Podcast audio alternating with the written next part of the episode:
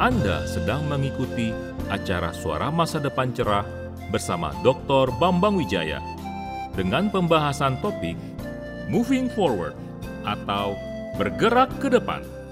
Melalui acara ini, wawasan rohani Anda akan diperluas dan iman serta kasih Anda kepada Tuhan akan diperteguh.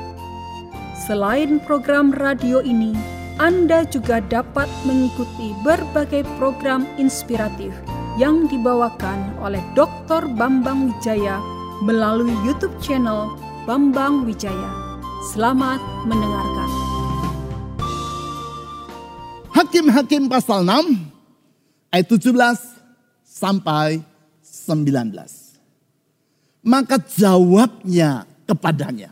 Jawab Gideon kepada Tuhan yang datang menampakkan diri kepada Gideon dalam rupa seorang malaikat. Kata Gideon, jika sekiranya aku mendapat kasih karunia di matamu, maka berikanlah kepadaku tanda. Saya ulang. Maka berikanlah kepadaku tanda.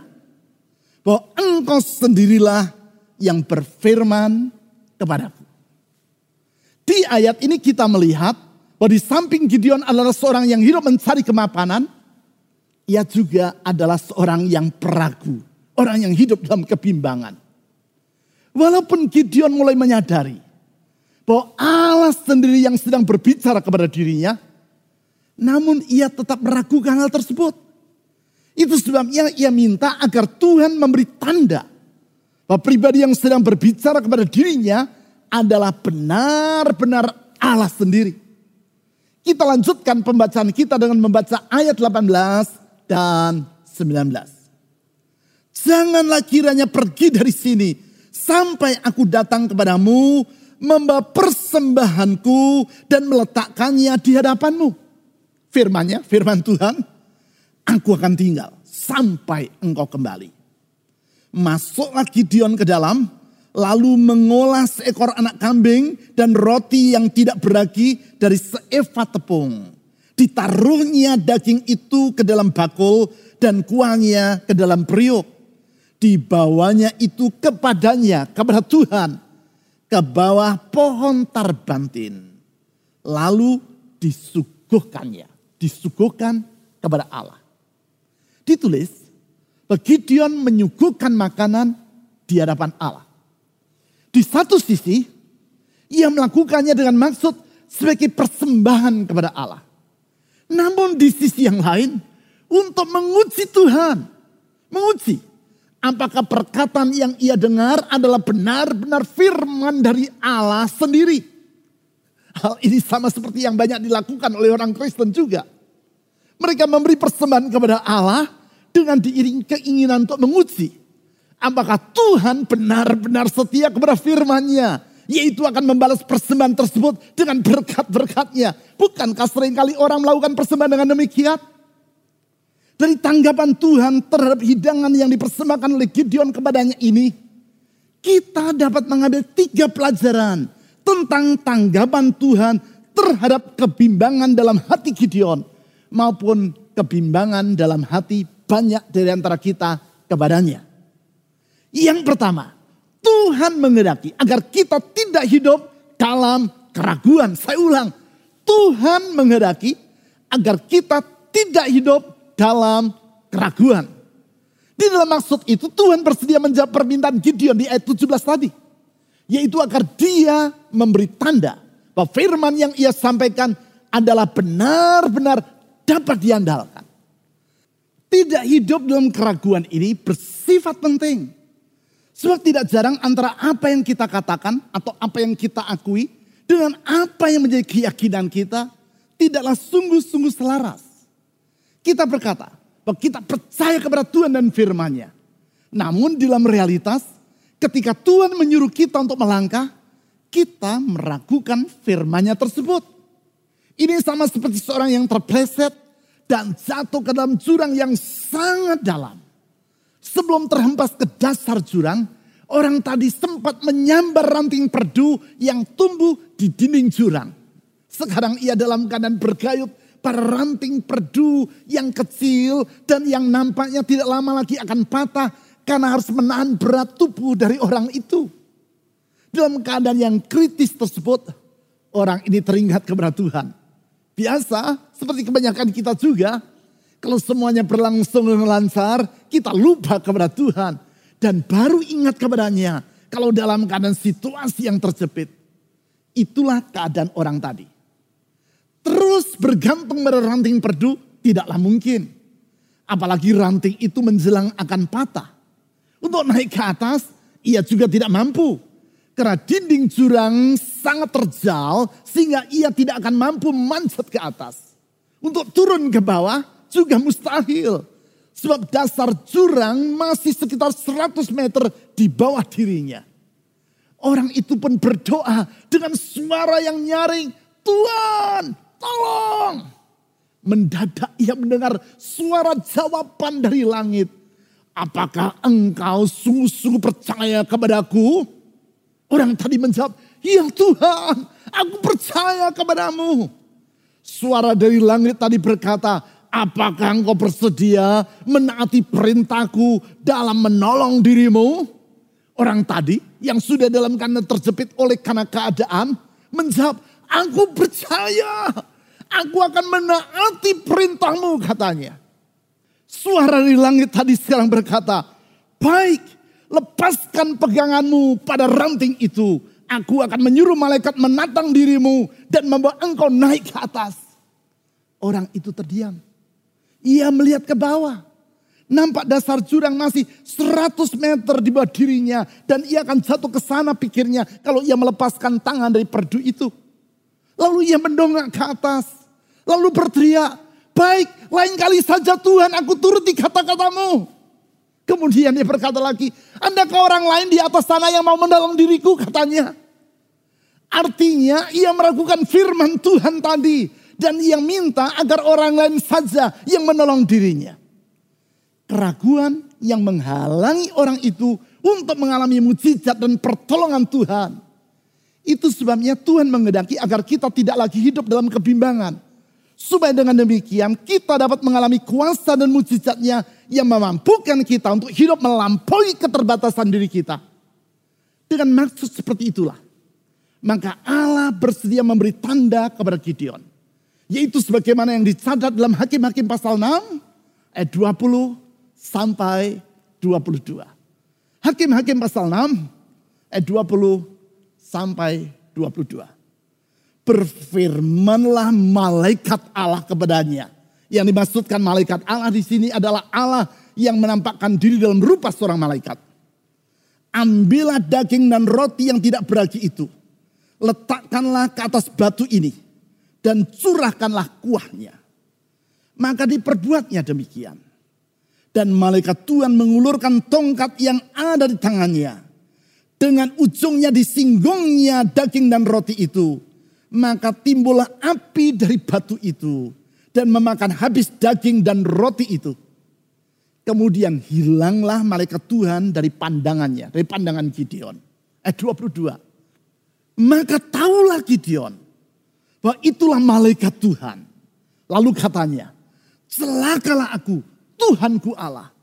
Sebab memang telah kulihat malaikat Tuhan dengan berhadapan muka. Dengan bertindak seperti demikian, yaitu dengan mengulurkan tongkat dan membakar hidangan yang dipersembahkan Gideon, Allah menyatakan bahwa dirinya adalah benar-benar Allah dan firmannya dapat diandalkan. Ia melakukan hal itu dengan tujuan agar Gideon tidak hidup dalam keraguan. Ia mengalihkan keraguan Gideon menjadi kepastian. From doubt to certainty Sebab hanya bila Gideon hidup dalam iman kepada Tuhan dan firmannya, barulah Gideon akan dapat hidup melampaui keterbatasan dirinya. Lebih lanjut, pelajaran kedua tentang tanggapan Tuhan terhadap kebimbangan adalah Tuhan dengan sabar membimbing kita keluar dari keraguan. Saya ulang, Tuhan dengan sabar membimbing kita keluar dari keraguan. Itu sebabnya walaupun dalam ulangan pasal 6 ayat 16 Allah melarang umatnya untuk mencobai dirinya. Ia dengan sabar menghadapi keraguan dalam hati Gideon terhadap firmannya. Bahkan ia rela menjawab permintaan Gideon agar dirinya memberi tanda seperti yang dicatat di ayat 17 tadi. Di dalam hal ini bukan berarti Allah melanggar firman-Nya sendiri, yaitu tentang larangan untuk mencobai dirinya. Namun di sini ia menempatkan dirinya seperti seorang bapak yang sedang membimbing anaknya. Seorang bapak yang di dalam kasih mengizinkan anaknya mengalami jatuh bangun. Agar supaya dengan demikian si anak beranjak menjadi dewasa. Hal itulah yang saya lakukan terhadap anak saya yang sulung. Ketika saya bermaksud membimbing anak saya keluar dari keraguan. Supaya ia dapat berjalan sendiri. Saya pernah menceritakan kisah ini beberapa kali. Saat itu anak saya masih berusia 11 bulan. Dan mulai belajar berjalan. Siang itu saya melihat dia sedang berdiri dengan tangannya berpegangan pada lengan kursi sofa. Saya berkata kepada anak saya, lepaskan pegangan tanganmu dari kursi itu dan mulailah melangkah kemari. Anak saya menaati kata-kata saya. Ia melepaskan pegangan tangannya dari kursi dan melangkahkan kaki kirinya ke depan. Ia berdiri dengan goyah dan jatuh ke lantai. Saya segera mengangkat anak saya dan mendirikan dia kembali. Lalu saya lepaskan pegangan tangan saya dari dirinya. Dan berkata, it's okay. Sekarang melangkah lagi kemari kata saya. Ia melangkah lagi.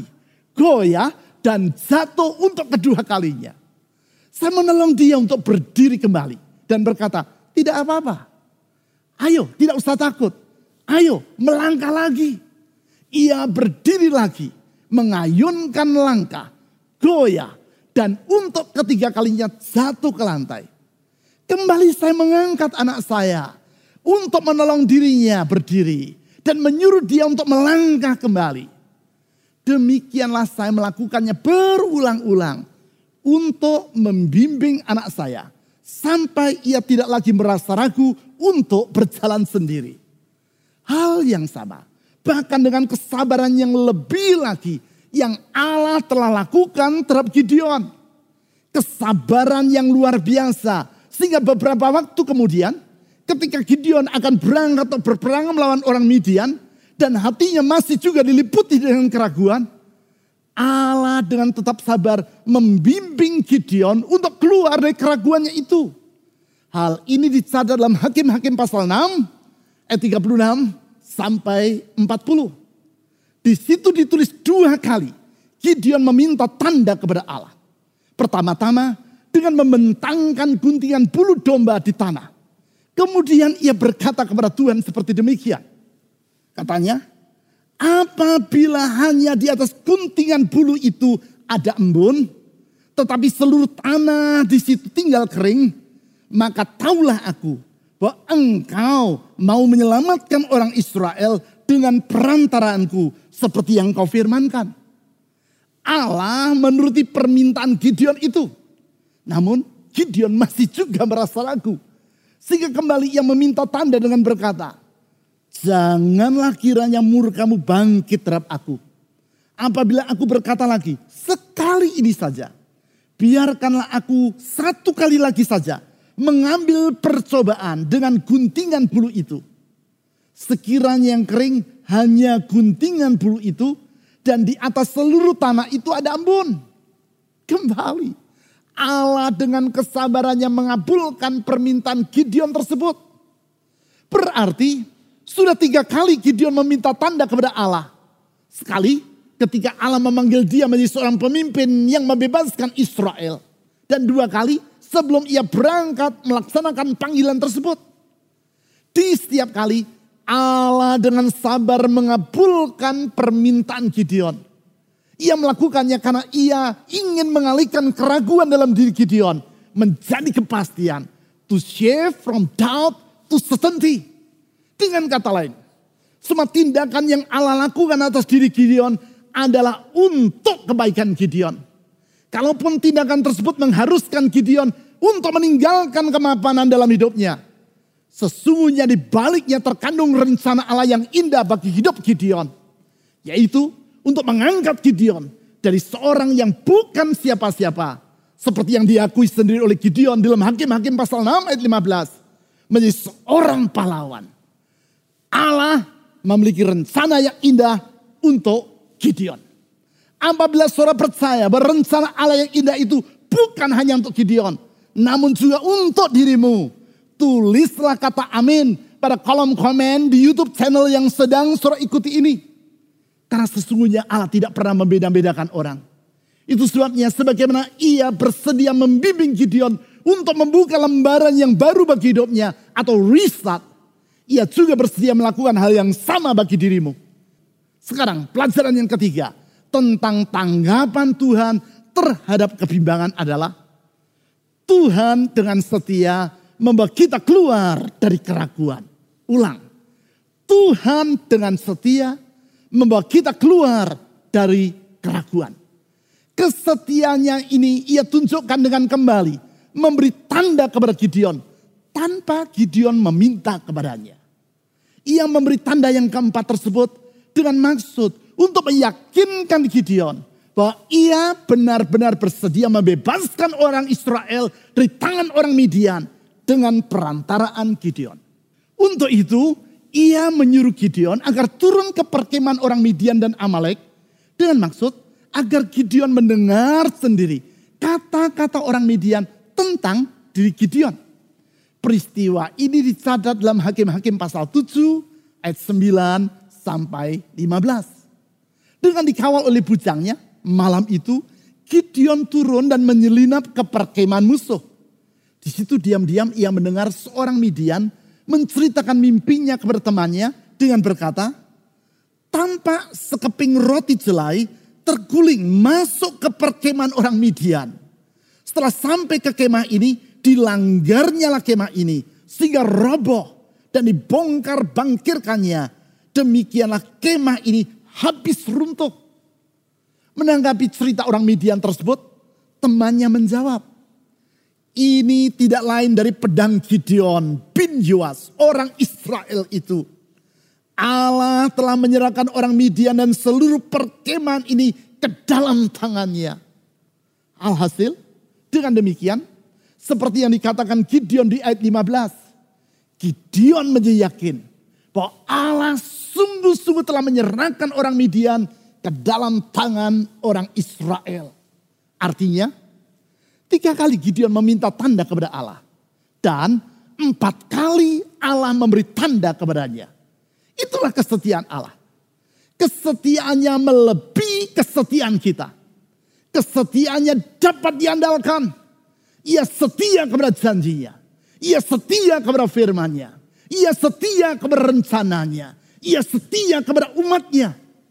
Kepastian dari kesetiaan Allah itulah yang memungkinkan Gideon untuk beralih dari keraguan kepada kepastian. To shift from doubt to certainty. Saudara yang pernah melakukan perjalanan dengan kereta api di Jerman akan dengan mudah memahami pernyataan saya tadi Beberapa kali saya melakukan perjalanan di sana dengan menumpang kereta api. Sebagaimana pada umumnya di stasiun-stasiun kereta api di negara yang lain, di stasiun kereta api di Jerman juga tertulis jadwal kedatangan dan keberangkatan dari kereta api. Jadwal yang sangat detail sampai kepada menitnya. Misalkan terpampang kereta dari München akan tiba pukul 10.12 dan akan berangkat kembali pukul 10.16, hampir dapat dipastikan tepat pukul 10.12 kereta api tersebut akan tiba. Dan pukul 10.16 ia akan meninggalkan stasiun tempat di mana pengumuman tersebut tertulis. Sehingga ketika kita tiba di stasiun tertentu, kita melihat jam dan kemudian melihat jadwal perjalanan kereta api, kita akan langsung mengetahui kita telah tiba di stasiun yang mana. Tidak usah kita melihat papan nama di stasiun tadi. Tidak usah kita bertanya kepada penumpang yang lain. Maaf, mohon tanya, kita telah tiba di stasiun yang mana? Tidak usah. Kita akan langsung mengetahui dengan pasti di stasiun mana kereta api yang kita tumpang itu sedang berhenti. Kepastian atau setenti seperti itu memungkinkan kita untuk melakukan perjalanan dengan mudah dan tanpa keraguan. Demikian pula dengan kepastian dari kesetiaan Allah dalam memenuhi janjinya. Kepastian yang akan menyanggupkan kita untuk memandang hari esok tanpa rasa ragu. Sebab bila keakuratan jadwal perjalanan kereta api di Jerman maupun di negara-negara maju lainnya dapat diandalkan, terlebih lagi Tuhan kita yang sangat dapat diandalkan. Janjinya tidak pernah berubah. Firmannya tetap untuk selama-lamanya. Kesetiaannya turun-temurun. Sehingga tidak perlu kita ragukan. Bila Anda pernah mengenal nama Yellowstone National Park, hampir dapat dipastikan saudara juga pernah mendengar nama All Faithful Geyser. Yang merupakan salah satu objek turisme yang sangat terkenal dalam Taman Nasional di Amerika Serikat tersebut. Taman Nasional ini memiliki lebih dari 250 geyser atau sumber air panas yang menyembur keluar secara berkala dari dalam perut bumi. Namun, All Faithful Geyser dipandang sebagai bintang utama dari antara semua geyser di dalam Taman Nasional itu. Beberapa tahun yang silam, saya dan keluarga saya berkesempatan pergi ke Yellowstone National Park. Di situ orang berjejal-jejal menunggu All Faithful Geyser menyemburkan airnya. Setiap hari ribuan orang dari berbagai penjuru Amerika dan dunia datang untuk menyaksikannya. Mengapa? Bukan karena tingginya semburan air dari geyser ini. Karena semburan All Faithful Geyser hanyalah setinggi 40 meter saja. Dan setiap kali hanya berlangsung selama dua menit saja. Namun orang datang untuk melihat kesetiaannya dalam menyemburkan air dengan interval waktu yang tetap.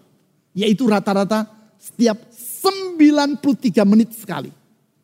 Kesetiaannya itulah yang mengakibatkan ia diberi nama all faithful atau si sangat setia. Apabila kesetiaan all faithful geyser menjadikan dirinya sebagai objek wisata dunia. Maka kesetiaan Allah memungkinkan Gideon maupun diri kita untuk memandang ke depan tanpa kebimbangan. Bahkan ketika bangsa Israel berlaku tidak setia kepada Tuhan Sebagaimana yang ditulis dalam Hakim-Hakim pasal 6 ayat 1. Allah dengan setia tetap bersedia menolong dan membebaskan umatnya. Oleh sebab itu, kita tidak perlu meragukan janji-janjinya. Dengan berpegang dalam iman kepada kasih, kuasa, hikmat, dan kesetiaan Yesus Kristus Tuhan kita. Kita akan beralih dari hidup dalam keraguan kepada kepastian. To shift from doubt to certainty. Sehingga dengan demikian kita dapat menyongsong hari esok kita sebagai lembaran yang baru dan yang pasti atau hidup dalam kehidupan yang riset. Sebentar, saya akan berdoa bagi semua saudara. Bawalah semua keraguanmu kepada Tuhan.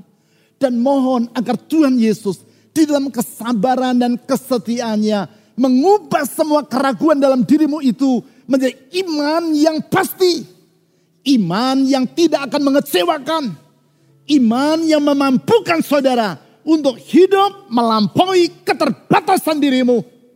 Mari kita berdoa. Tuhan Yesus, Engkau setia. Engkau setia kepada firmanmu. Engkau setia kepada janjimu. Engkau setia kepada umatmu. Dan dengan sabar engkau bersedia menghapus keraguan dalam diri kami dan mengubahnya menjadi iman yang pasti.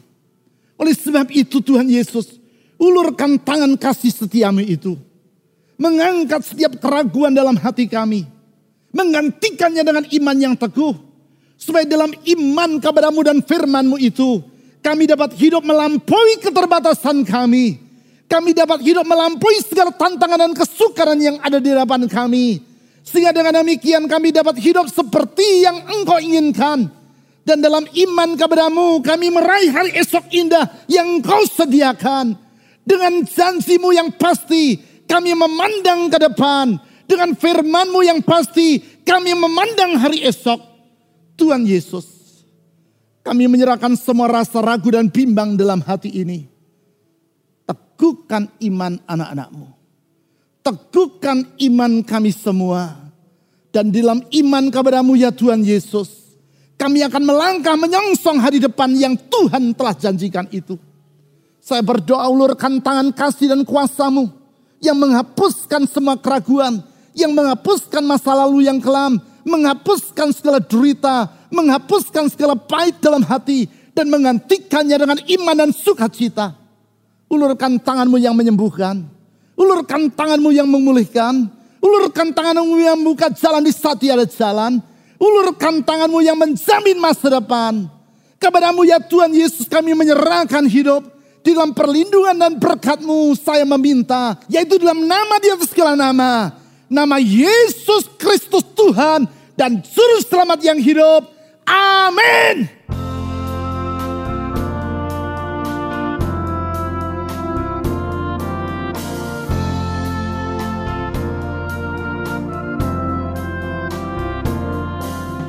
Anda telah mendengarkan acara Suara Masa Depan Cerah dengan pembahasan topik Moving Forward atau Bergerak ke Depan.